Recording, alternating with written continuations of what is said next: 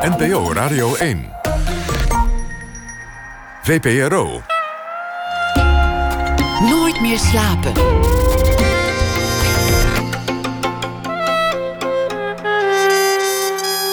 Met Pieter van der Wielen. Goedenacht, dit is Nooit meer slapen. Soms lijkt het wel alsof je vroege herinneringen veel sterker bijblijven dan je late herinneringen. Niet dat ze beter zijn of mooier, maar je weet ze gewoon beter te herinneren. Misschien omdat je brein nog nieuw was of dat de wereld nog nieuw was. Ik herinner me als tiener de Rolling Stones in een reusachtig stadion. Een heel klein Mick Jaggertje en een piepklein Keith Richardje. En dan helemaal ergens in de verte achterin Charlie Watts onzichtbaar achter zijn drumstel.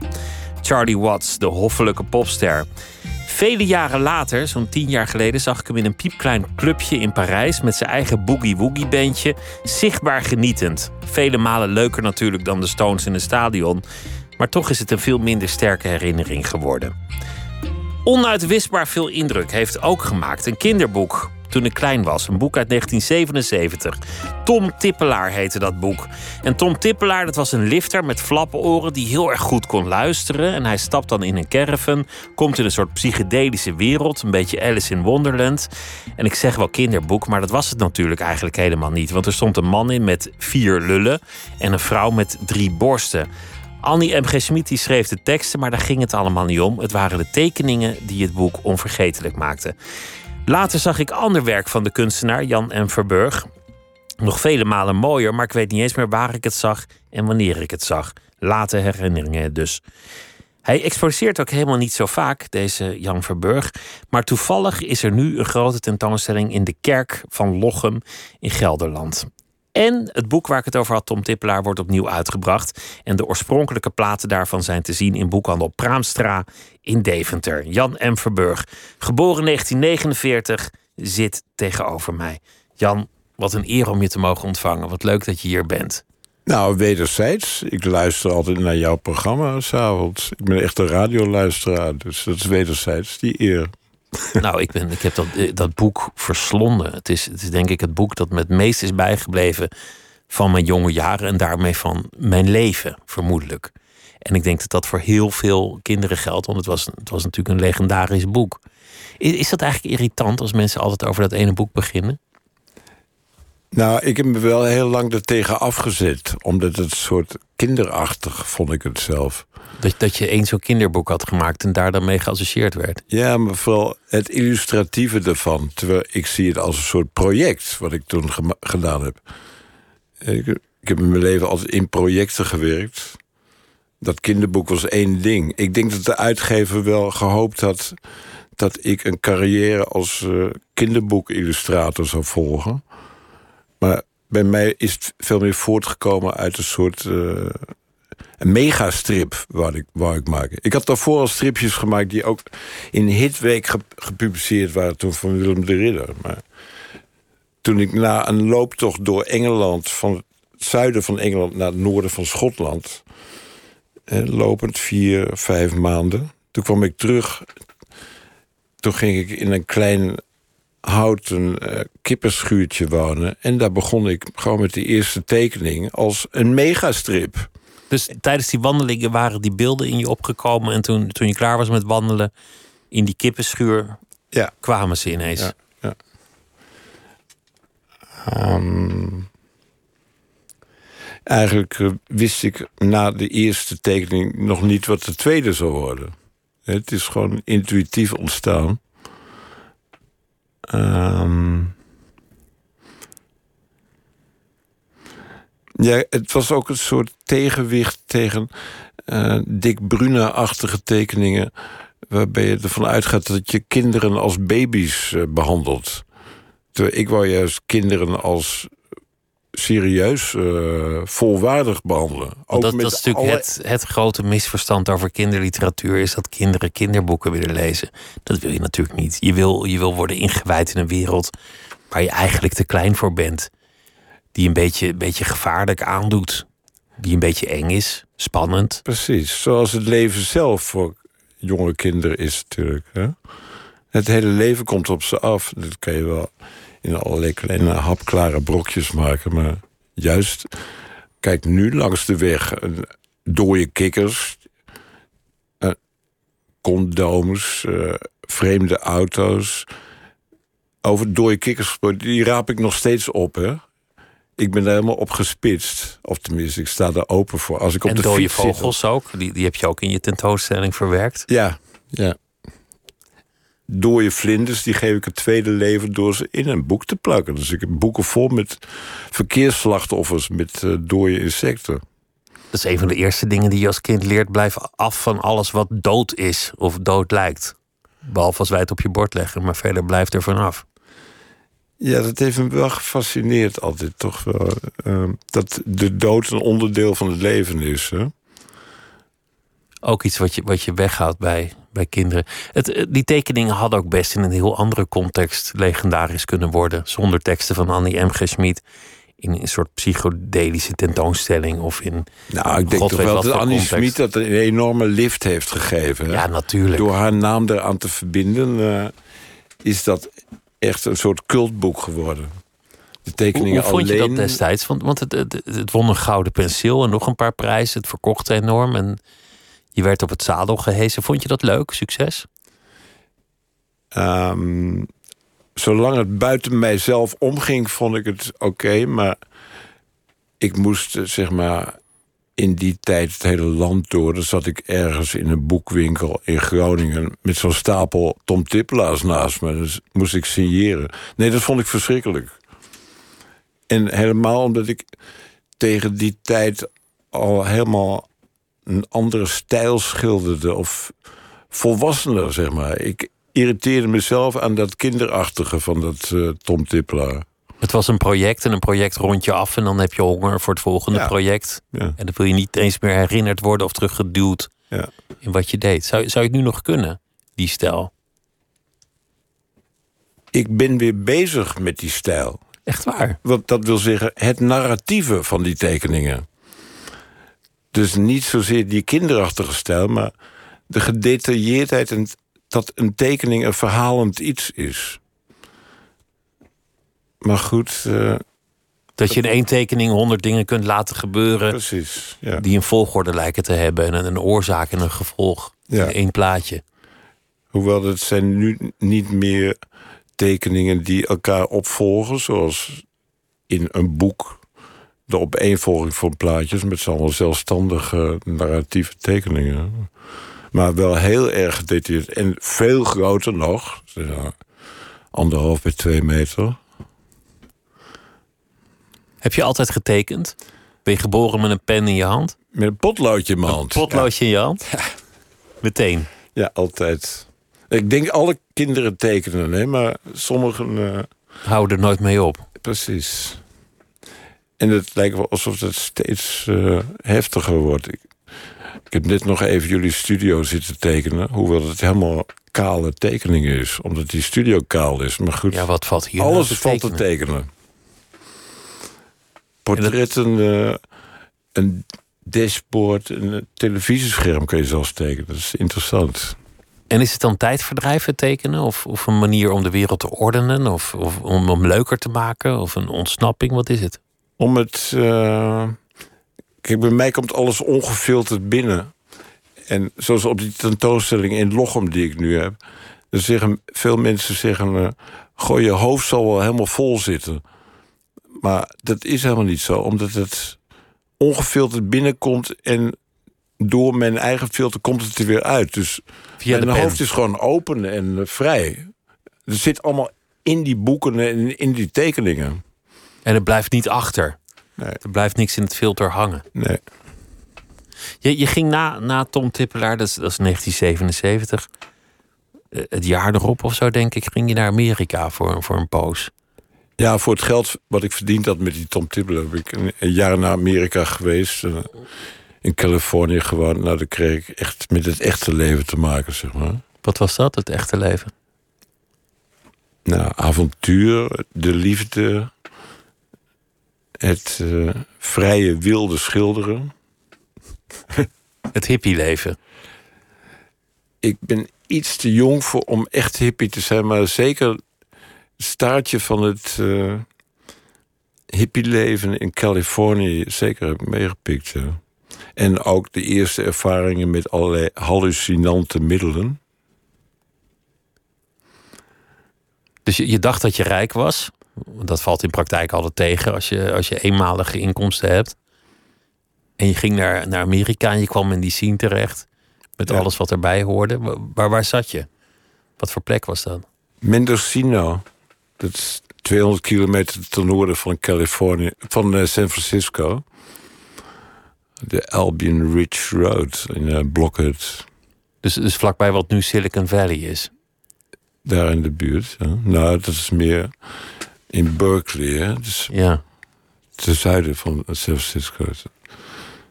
Oh, je hebt gelijk, ja. Dat klopt. En wat, wat voor doop gebruikte je eigenlijk allemaal? Gewoon wiet natuurlijk. Die hele Tom Tippelaar is wel eh eh, wiet georiënteerd. Eh, er was in de tijd een interview in de Haagse Post over die Tom Tippelaar. En daarboven stond gewoon een jointje roken en naar het papier staren. Hè, dat vond ik toen de tijd nog wel eh, gênant voor mijn ouders. Maar in Californië kwam ik peyote bijvoorbeeld, dat soort mescaline. Gewoon als experimenten, hè? Ging je daar anders van tekenen? Had had het invloed op je ja, werk? zeker, ja. En ik denk dat... Ik gebruik nu... Ik ben helemaal clean of zo. Ik bedoel... Het maakt allemaal niks uit, maar... Dat heeft wel me, de rest van mijn leven beïnvloed, denk ik. Als je ooit dat soort ervaringen hebt gehad... dan blijf je gewoon... Dat vormt je.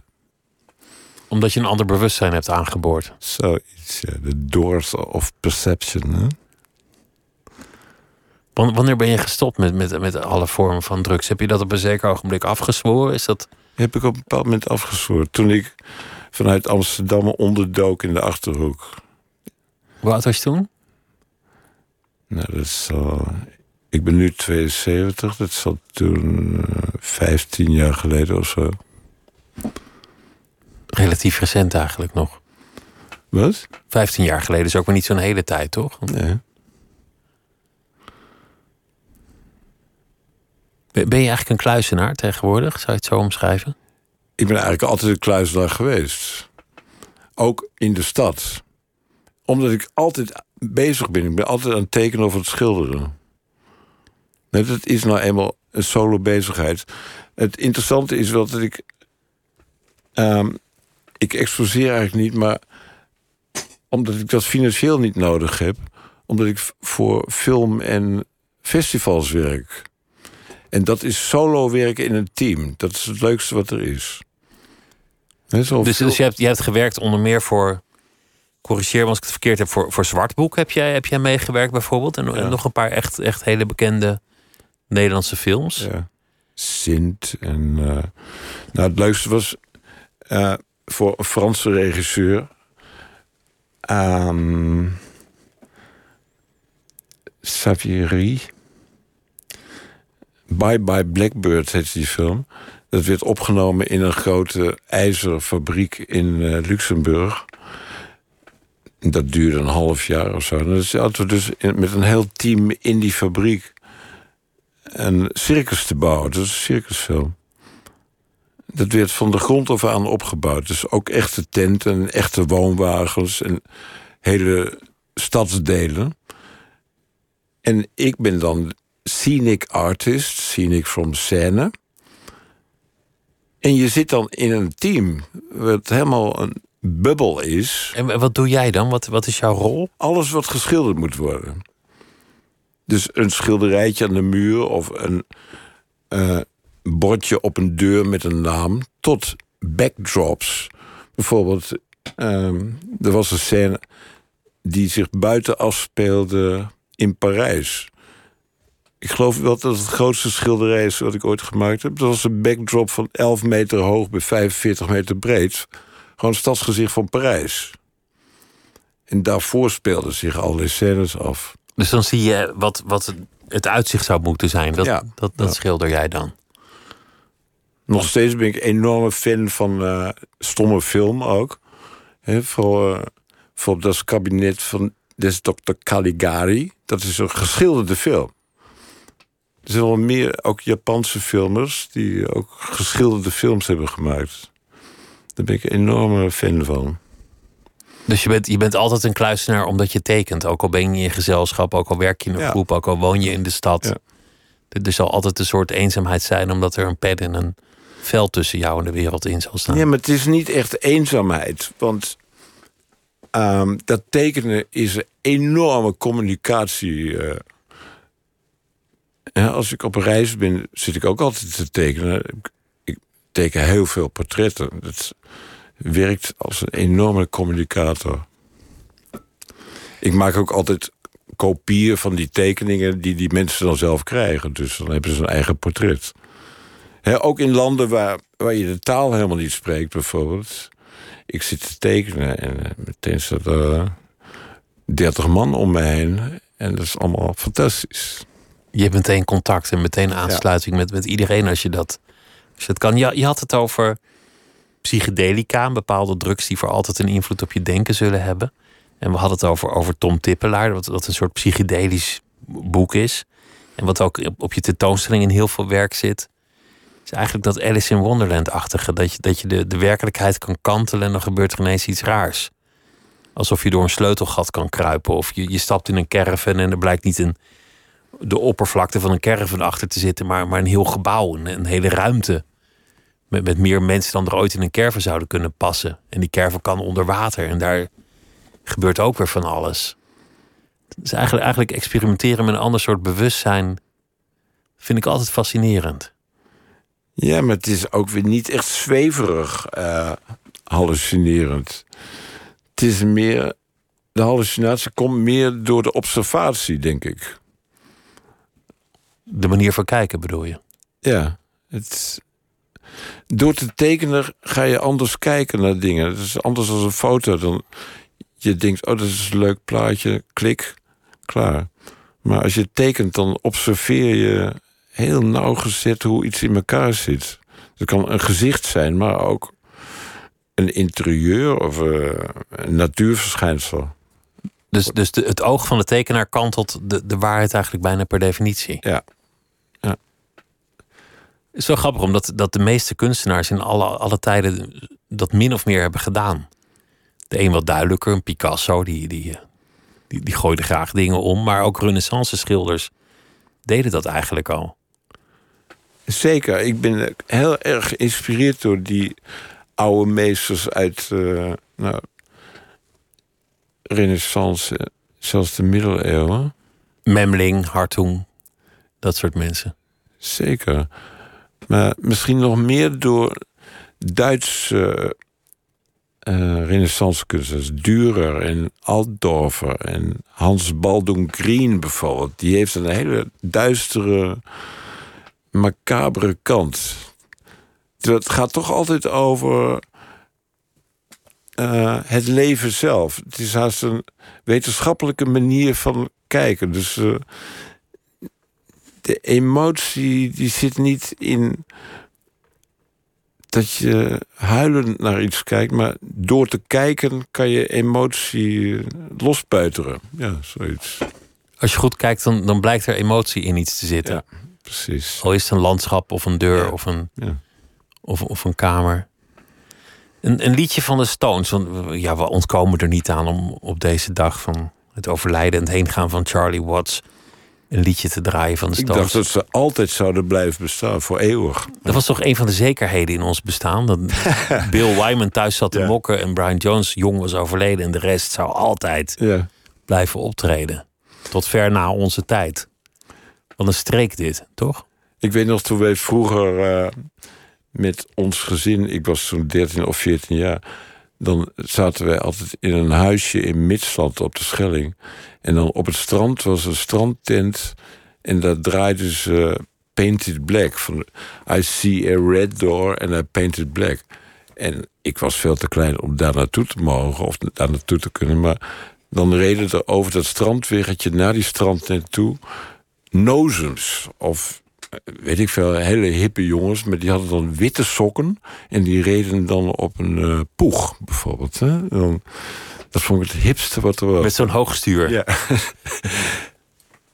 Past wel ook bij Tom Tippelaar. die, die fase van de Stones. Ja, misschien is dat wel een, rode deur die je zwart wil, wil verven. er er zijn ook filmpjes van Charlie Watts in de laatste jaren van zijn leven. Dan diep in de zeventig. Dat hij, dat hij eventjes danst op de muziek die ze in het stadion draaien voordat ze opgaan. Om zijn lichaam los te maken.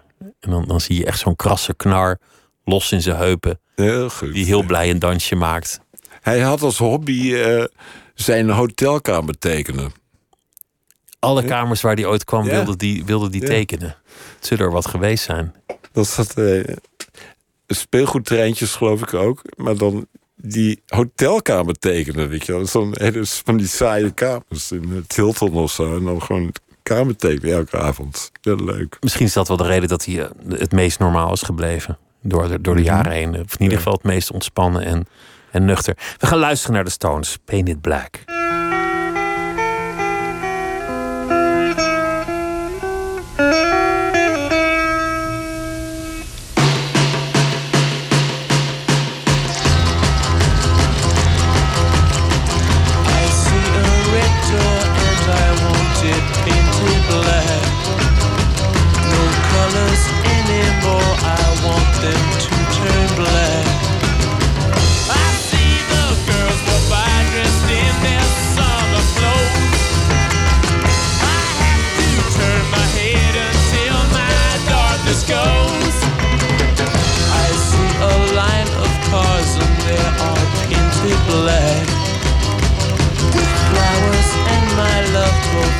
To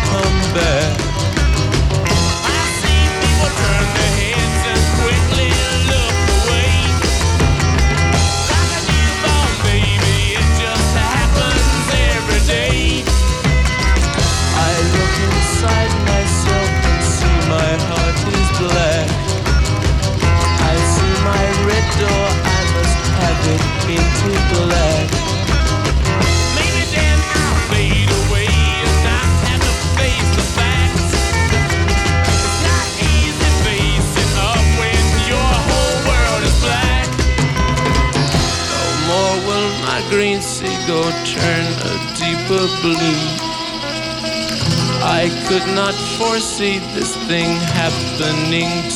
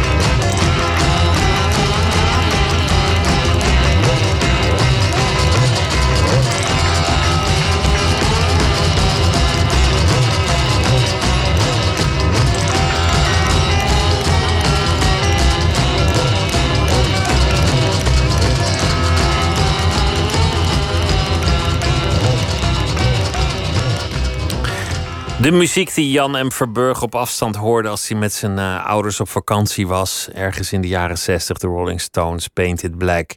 Leek een introductie in een wereld waar hij nog niet bij mocht horen van grote jongens op poegs. Geboren met een potlood in zijn hand, altijd getekend. Ongefilterde persoonlijkheid, alles komt binnen. Maar niks blijft hangen omdat hij altijd alles weet te tekenen. Een manier van communiceren, maar ook een manier om je altijd een kluisenaar te voelen. Ook al ben je in gezelschap, ook al woon je in een stad. Het was een wandeltocht door Engeland die uiteindelijk inspireerde om tekeningen te maken zonder dat je wist wat het zou worden. En dat werd het legendarische kinderboek Tom Tippelaar met de teksten van Annie M. G. Schmid. Het werd een reusachtig succes. Dat is nog steeds. Het is nu ook heruitgebracht. Maar dat succes vond je eigenlijk niet leuk, want ja, het project was afgerond. Je wilde andere dingen doen. Bracht wel geld en dus vertrok je naar Californië, waar je in een uh, grote, wellustige wereld werd ingewijd. Een soort hippie leven ten noorden van San Francisco met alle soorten drugs die de duivel kon verzinnen. Je bent uiteindelijk gestopt met drugs voorbij een zekere leeftijd, maar de ervaring zal je altijd bijblijven. Het verruimen van je bewustzijn. En je woont nu al een uh, flinke tijd in de provincie, waar je veel verschillende projecten doet, maar zelden exposeert. Nu, en dat is een bijzonder moment, in Lochem, in de kerk, een reusachtige tentoonstelling met werken die je door de jaren heen hebt gemaakt, ook een paar nieuwe werken. Dingen van, van allerlei allure, alles komt bij elkaar. Het is echt jouw universum in die kerk als je, als je binnentreedt. Onder meer zijn daar reusachtige doeken te zien, werken die je hebt gemaakt, die in de Roxy hebben gehangen in Amsterdam, de discotheek. En bij de ingang van Lowlands. Dus wie binnenkwam, die moest daar onderdoor lopen. Het was Mohammed Ali bijvoorbeeld, die je had geschilderd. En een paar andere figuren. Wat, wat zijn dat voor werken? Ja, uh, kijk, dus misschien moet ik even een cirkelverhaaltje vertellen. In 1968 of 69 was er de allereerste openlucht popconcert in Lochem. Op Hemelvaartsdag. Dus het was heel kleinschalig. Gewoon een houten planken podium midden in een prachtig uh, openluchttheatertje daar. Dus nog voordat Kralingen Popfestival was.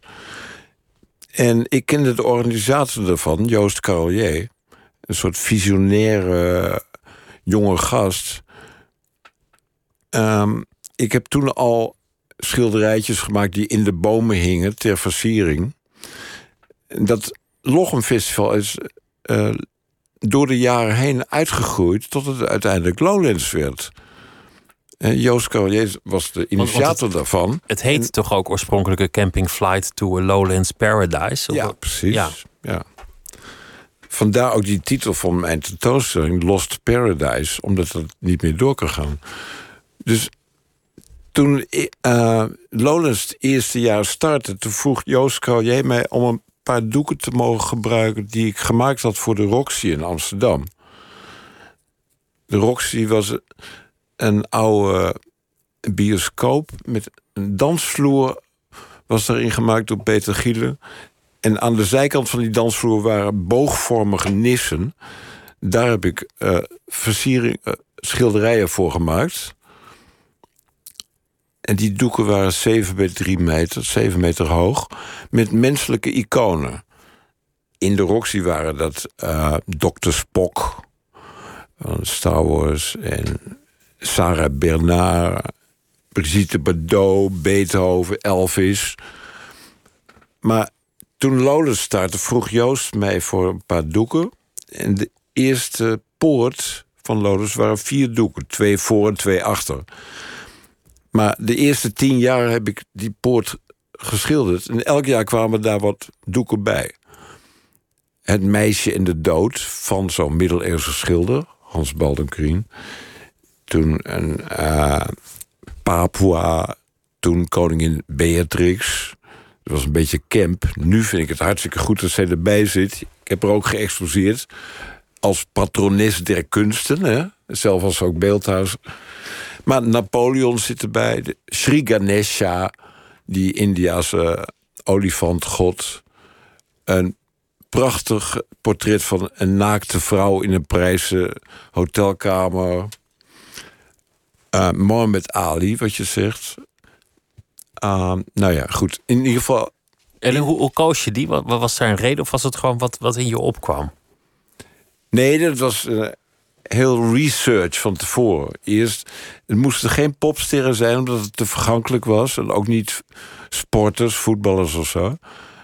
Uh, zo menselijke iconen door de eh, eeuwen en alle tijden en alle culturen heen. Er zit een Egyptische valkgod zit ertussen. Of er zit een, een portret van een Neandertaler tussen. Of ook wel... Het was iets opvoedkundigs haast. Nou dat is een fout woord. Maar bijvoorbeeld eh, dat schilderij van Goya... waarbij eh, burgers met de handen gespreid... eh, geëxecuteerd worden door Franse soldaten. Een beroemd schilderij, De Tweede Mei van Goya. Maar ook eh, zo'n laatjesvrouw van Dali zit ertussen.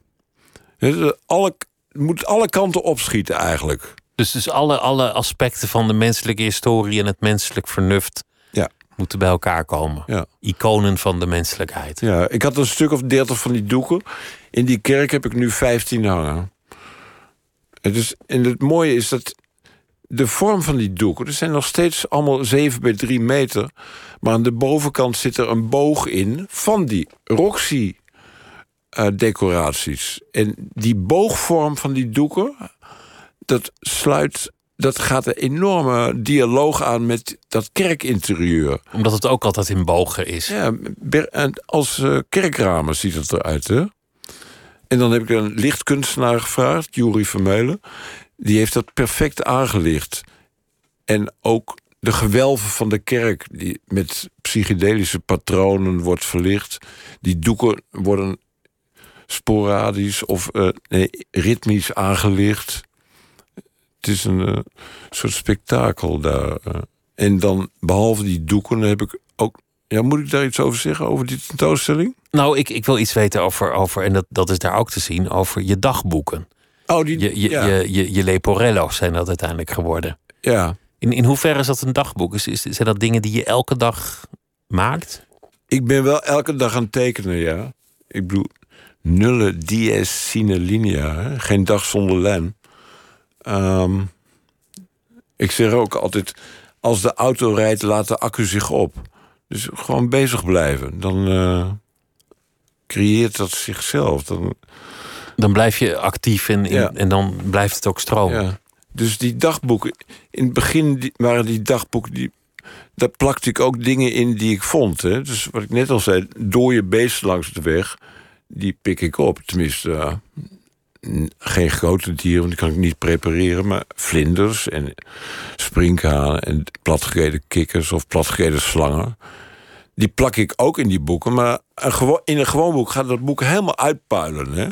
In die tentoonstelling heb ik één boekje... dat staat helemaal, helemaal 360 graden rond. Dat kan je niet meer open doen. Maar het zit helemaal vol met tekeningen en dingetjes erin geplakt. Maar, maar hoezo? Omdat dat lijkje ontploft. ja. Het is een beetje goor eigenlijk. Of niet? Nee, het is niet goor. Het is één aspect van al die eh barstens vol leven zit het. En dan af en toe ligt, zit er ook een eh, dierenlijkje tussen. Maar het is niet, het is niet macaber. Het is eh één facet van het leven zelf. Maar goed, door die uitpuilende boekjes kwam ik uiteindelijk op een Leporello. Daar kan je namelijk alles in doen. Ook keramiek eh, En een leporello, dat dus, dus misschien even voor- de duidelijkheid... dat is zo'n uitvouwboek dat als je dan als een harmonica... Ja, precies, wordt ja. eindeloos lang. Ja.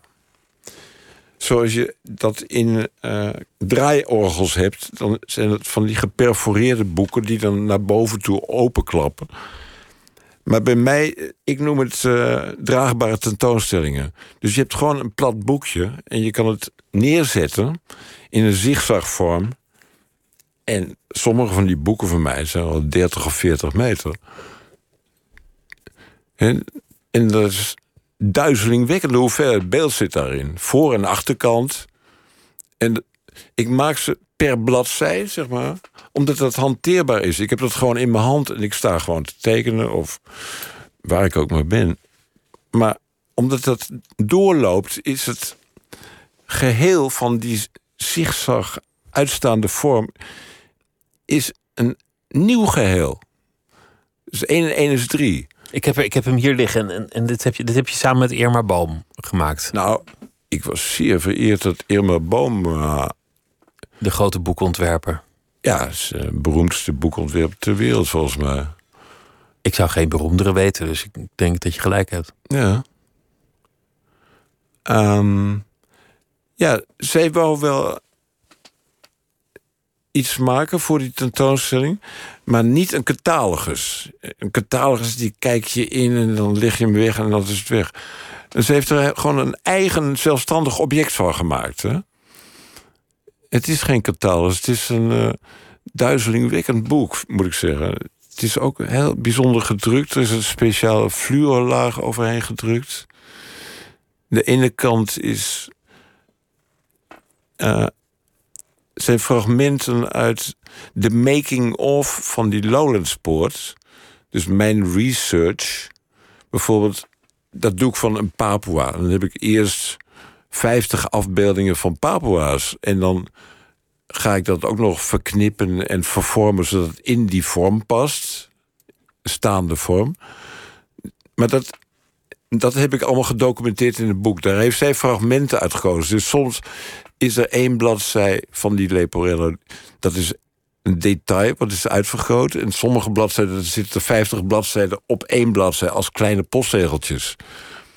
En de andere kant is één integraal afgedrukte Leporello voor mij. Van een reis naar Londen een keer. Gewoon een heel verhaal is dat. Ja, dat is waarin van, uh, bijna als een strip je vertelt wat je hebt meegemaakt. Ja. ja, dat is wel verrassend hoe dan dingen uh, interactie aangaan zonder dat ik dat gepland heb. Dus, Want je weet niet wat het volgende plaatje wordt. Nee, precies. Het is gewoon wat zich voordoet. Net, net als die reis door Engeland die uiteindelijk precies. Het, het Tom Tippelaar boek werd. Dat vond ik wel weer interessant nu ik dus die Tom Tippelaar opnieuw heb bekeken. Omdat dat, die herdruk is verschenen. Er zitten bladzijden in. Opeens herken ik... Oh ja, toen was ik ook al met collageachtige dingen bezig. Alleen dat is geperst in die vorm van een kinderboek. Ik vind het zo bijzonder dat je die originele tekeningen je hele leven met je mee hebt gesult en ergens kennelijk nog had liggen en dat die nog zo mooi zijn dat je ze nog kan exposeren. Ja, ik heb ze altijd gewoon in een vuilniszak in de kast gehad met een kartonnetje eromheen.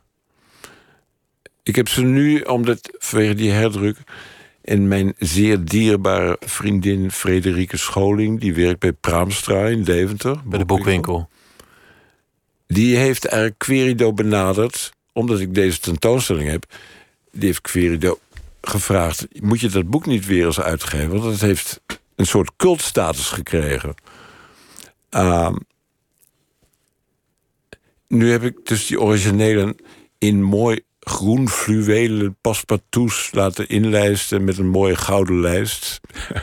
en dat ziet het eruit als een soort Vlaams primitieve schilderij. à la Memling schilderijtje of zoiets.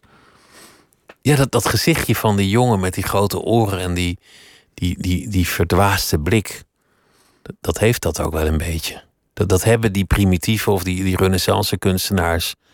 fantastische schilders trouwens, die hebben dat soms ook. Dat het bijna eng is om naar die koppen te kijken. Precies. Ja. Bijna angstaanjagend. Ja. Dat is nog wel interessant. David Hockney bijvoorbeeld heeft daar een boek over gemaakt, The Secret Knowledge.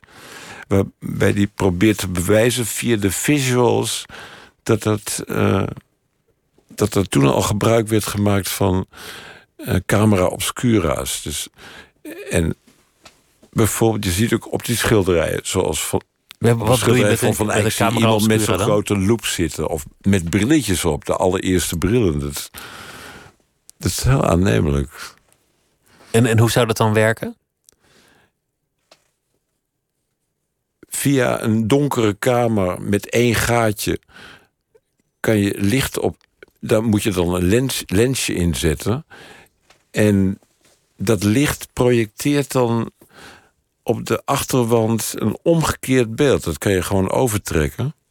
Maar dan hebben wij zo'n schilderij met meerdere personen... dat elk detail van de schilderij is via een donkere kamer uh, uh, opgenomen. Waardoor dat enerzijds heel fotografisch ongelooflijk is... hoe ze dat gemaakt hebben. Maar aan de andere kant heeft het ook iets heel verwordends. Iets... Uh, wat jij zegt, macabers heeft het haast. Het klopt niet helemaal. Er, er zit Nee, het klopt niet helemaal. Het- het- is wel zo aandacht. goed gedaan. Maar Wat mankeert hier aan? Vind vind je het nu zo'n grote tentoonstelling? Het jammer dat je, dat je eigenlijk zo weinig dat hebt gedaan in, in al die jaren. Ja, tentoonstellingen zijn denk ik op, op, de, op de vingers van één hand te tellen. ja, Je hebt natuurlijk heel veel gedaan en altijd gewerkt en elke dag getekend, maar op de een of andere manier nooit dat echt opgezocht. ik heb wel vroeger in mijn Amsterdamse tijd heel veel geëxposeerd. In de, in de krakerswereld. Ja, in die W139 en, en Aorta. Dat waren van die kunstenaarsinitiatieven in de jaren 80. V2, De Bos. Ik heb toen heel veel geëxposeerd. Maar het ging ik altijd uit van niet een schilderijtje ophangen als expositie, maar een tentoonstelling maken. Een hele happening als het ware. Ja. Dus een totaalbeeld creëren. Wat Ik je nu in de ke- kerk ook doet. Ja, die kerk. Ik heb ook. Ik zei die lichtkunstenaar, maar ik heb ook eh, twee geluidskunstenaars gevraagd om eh, een soundscape te maken in die kerk. En ook die opstelling van die leporelles, die staan allemaal op hoge schraagtafels, zodat je er lopend kun je ze allemaal goed bekijken. En dan zelfs het potenstelsel van al die schragen in die kerk is een object op zich. En wat interessant is, eh, de kerk zelf speelt een enorme rol in die tentoonstelling. Er zitten bijvoorbeeld nog fresco's in die kerk. Die achter de kalk vandaan zijn gepeuterd. En het is nog wel interessant, op de opening was er ook Jaap Nijstad, dat is een eh, kunst- en cultuurhistoricus, die eh, maakte een connectie tussen de beeldenstorm en deze tentoonstelling. Omdat dat kerkje, dat is een laat-gotische hallenkerk. Zeg je dat wat? Nou goed. Nee, nou ja, goed. Ja, Maar het is eh, echt een prachtig kerkje als je hem helemaal leeg hebt. Hè, zo Zaanderdam-achtig. Maar dat, vroeger was dat helemaal beschilderd tot aan het plafond. En dat is daarna wit gekalkt in die beeldenstorm. En ik heb als het ware dat beeld helemaal teruggebracht in die kerk. Hè, van onder tot boven. Maar het heeft ook allemaal iets in de verte religieus. Zonder dat het religieuze kunst is of zo. Want ik geloof ook niet dat je per definitie met het geloof zelf bezig bent. Maar wel een enorme fascinatie voor de thema's, de verhalen, de iconen. En, Dat, en de ja. manier van beelden brengen. Nee, ik ben heidens. Ik bedoel, eh, nee, zeker. Ik ben eh, natuurlijk wel. Die religie, dat zit wel in mij. Ik bedoel, Ben, ben je daarin opgegroeid? Heb je, heb je dat meegekregen? Ik ben eh, zo opgevoed, eh, behoorlijk gereformeerd, maar eh, ik, dat heb ik. weet je, het leven is een lichtflits tussen twee eeuwigheden duisternis, geloof ik. Maar toch dat narratieve van ja, mythologie, bijbelverhalen. Dat is een enorme bron van visuals. Hè? Oh ik moet nog zeggen, Oscar Wilde zei... eh, the mystery of the world is the visible, not the invisible. Wat er is, dat is het mysterie. Ja, wat je ziet, dat niet is het niet dat mysterie. waar je daar moet gissen of wat je erbij kunt precies, verzinnen. ja. Daar geloof ik erg in. Eh, Het aardse, wat, wat hier is, Ja, wat nu dus is. in die zin zou je mij nog zelfs religieus kunnen noemen. Non de ju. Maar ik geloof in het visuele. Maar, maar je hebt ook een liefde voor die verhalen die, die, die bij religie Zeker, zorgen. Voor de. Bijbelverhalen, voor de, voor de mythes, de iconen, dat soort dingen. Is, maar wanneer is dat weer gekomen? Eh, toen ik voor mezelf ontdekte dat er wel een kracht van mij daarin ligt. Dat komt eigenlijk door die Tom Tippelaar. Dat ik ontdekte dus eh, na een half leven dat, eh, dat verhalen de- een sterk element van mij is. En dat ik dat ook leuk vind om te doen. Wat je net ook zei, dat als je in één tekening een heel verhaal kan vertellen. Met Ja. een begin en een eind en een, en een dus- climax. Daar heb ik me echt op geconcentreerd de laatste eh, 10, 15 jaar. Dat hebben die oude religieuze schilderijen ook heel vaak. Dat dan, dat dan één bijbelverhaal in één doek wordt neergezet. Zeker. Alleen bij mij is het nu helemaal verweven, ook met dagelijkse dingen, ook actuele dingen. Weet je wel, veel dingen uit het nieuws. Maar ik, heb een keer zo'n onlangs zo- hele grote tekening gemaakt van de sprekende ezel. Dat heeft mij altijd gefascineerd als kind. Dat is een bijbelverhaal over een profeet die zijn ezel afrost... omdat de profeet zelf niet ziet dat er een engel op de weg staat... die die ezel tegenhoudt. Dan draait die ezel zich om en zegt... waarom sla je mij? Zie je die engel niet staan? En dat beeld... Ik moet je zeggen, ik ben toen uh, wekenlang op pad geweest... in de buurt uh, van Deventer... Op, op zoek naar ezels. En dan hield ik ze graspol voor. En dan wouden ze dat aannemen. En dan trok ik hem gauw terug. Zodat ik dat beeld kon vastleggen van een pratende ezel. Dan zijn tanden helemaal bloot. Nou goed. Want je wilde weten hoe ziet dat er eigenlijk uit. Als stel Ja. dat een ezel zou Maar kunnen goed. spreken. Ja. Dan heb ik mijn. eh, eh, maar in die tekening heb ik weer verwerkt dat ook Nietzsche. Toen hij op San Marco-plein een ezel omhelsde. helemaal gek werd. Hè? Dat moment. Dus. Ik Dat- heb dat bijbelverhaal met moment dat in het midden zit. Nietzsche die ook die ezel omhelst. Terwijl die ezel aan het praten was.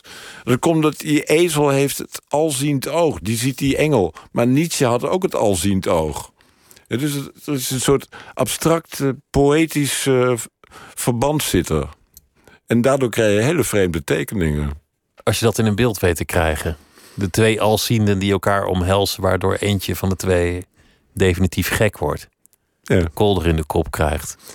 Ik moet ineens ook denken aan, aan de, de boer die in een stal tussen zijn koeien staat en geleidelijk op de koeien is gaan lijken.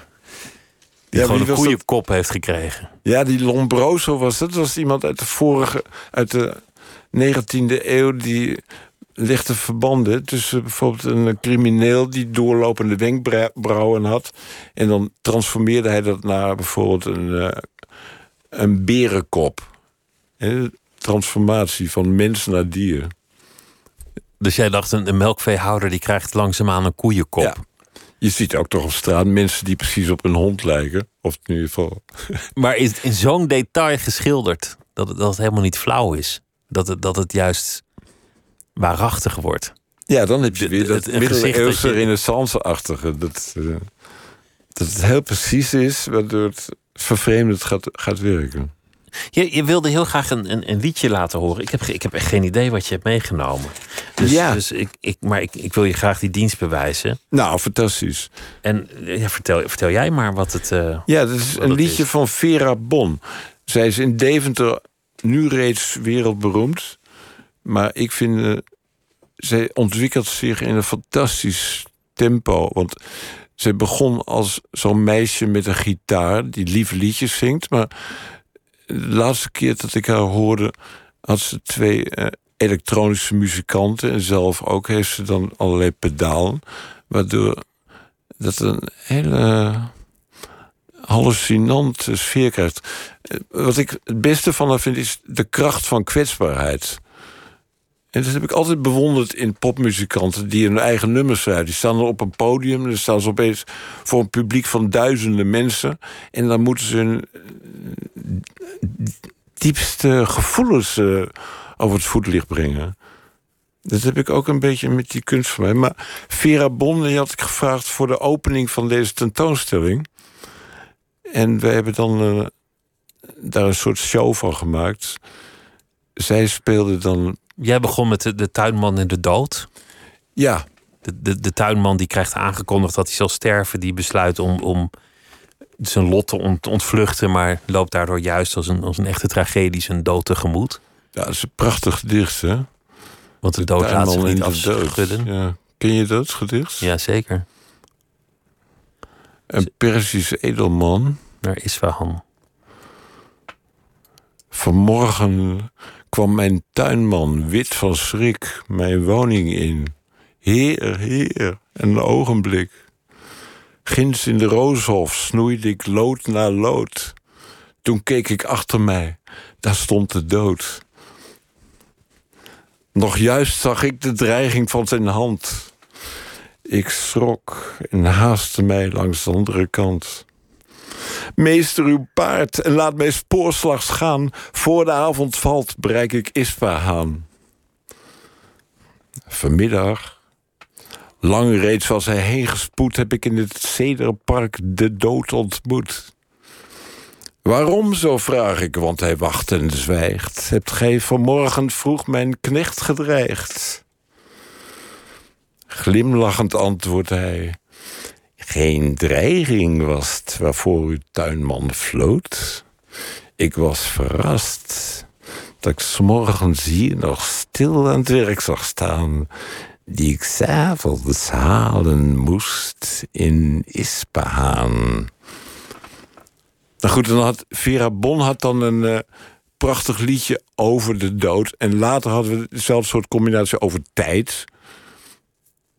En het was een mooie show, was dat. Het was mooi afwisselend gedaan. weet je wel. Fantastisch goed, dat je dat Bon- gedicht zo uit je hoofd kent, dat je, dat je het helemaal kan reciteren. Ja, ik ken honderden gedichten uit mijn hoofd. Maar dit is eigenlijk de stof van alle, alle Griekse tragedies en eigenlijk van heel Ja, veel goede precies, films. Zeker, Het lot wat je wilde Precies, vermijden, loop ja, je juist precies. tegemoet. Ja. We, we gaan luisteren naar een, een, een liedje van eh, Vera Bon. Hmm. Ik ben verliefd geweest op alles en iedereen.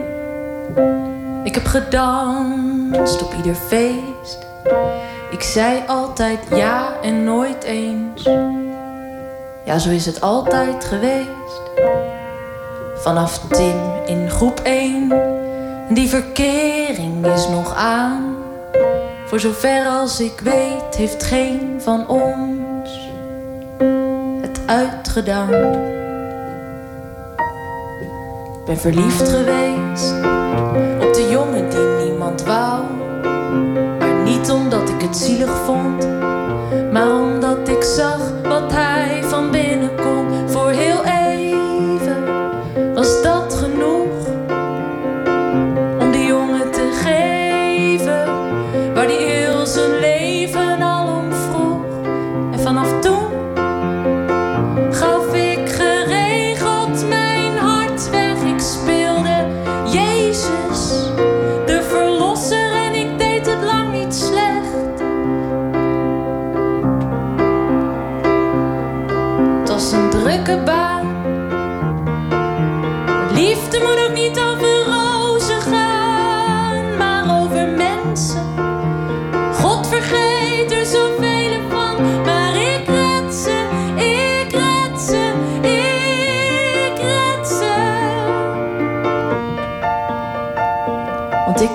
verliefd geweest, non-stop verliefd geweest. Niemand die ertussen kan, tussen mij en de hopeloze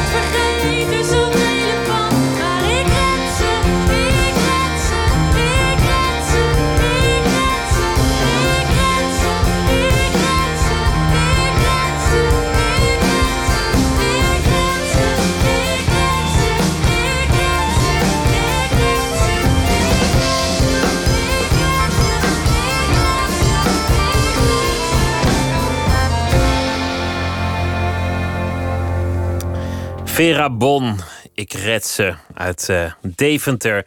Net als eh, Jan M. Verburg, die hier tegenover mij zit. En we spraken over zijn eh, tentoonstelling in de kerk in Lochem. En ook in de boekwinkel in Deventer, waar de oorspronkelijke platen van Tom Tippelaar te zien zijn. Een boek dat nu ook opnieuw is uitgebracht. Een culthit, een legendarisch kinderboek. Omarm het als het voor mensen belangrijk is. Als je succes krijgt, ook al is het om iets willekeurigs, moet je het eigenlijk gewoon altijd, volgens mij, omarmen, in je zak steken. Gewoon aanvaarden, niet voor wegvluchten. Nee, dat doe ik nu. Dat doe je nu toch ook? Ja. Ja, ik ben. eh, nou, de eerste twee weken van die tentoonstelling eh, was ik er elke dag. Ik word echt besprongen door mensen. Het is echt te gek. Men eh, vindt het heel erg mooi. Het mooiste compliment vind ik dat de mensen ontroerd naar buiten komen. Ze blijven uren hangen. Hè? Sommige mensen die gaan dan lunchen en dan komen ze terug. Ze ah, blijven ze uren. Omdat al die boekjes kan je gewoon met je handen in, eh, kan je zelf open doen. Maar de, ontroering vind ik het mooiste reactie.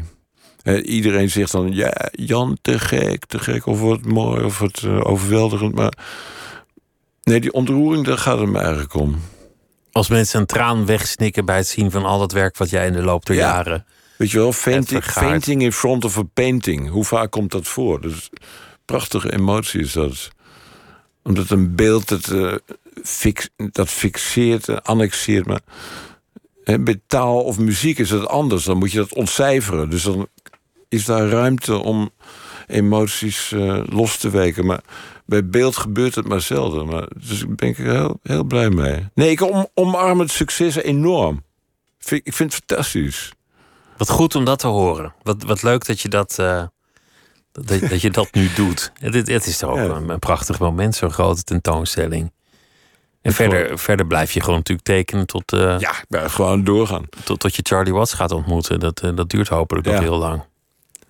Nee, ik ben ook nu in die tentoonstelling alle bewoners van Lochem aan het tekenen. Dus dat geeft mij ook een houvast, dat tekenen. Hoe, hoeveel mensen wonen er in, in Lochem? Nou, ik heb geen idee.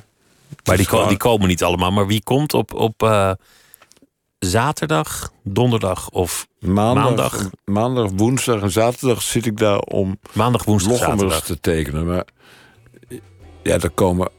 Wat mij opvalt is dat er echt veel mensen uit eh, het hele land komen. Je hebt dat een stukje in de NRC gelezen of weet ik.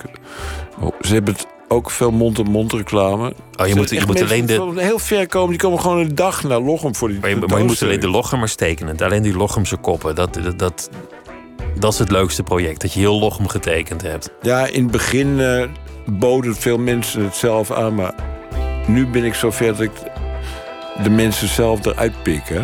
Dat Je is ziet nog het. leuker.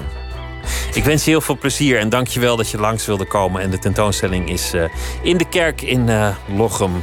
Nog eh, het grootste deel van eh, september. Dank je wel, Pieter te gek, Jan en. Verburg. Dankjewel, Dank je. Dit was Nooit meer slapen. Morgen zijn we er weer. Goeienacht.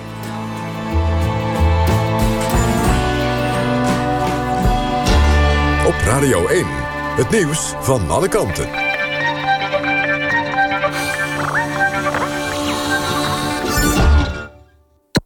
NPO Radio 1.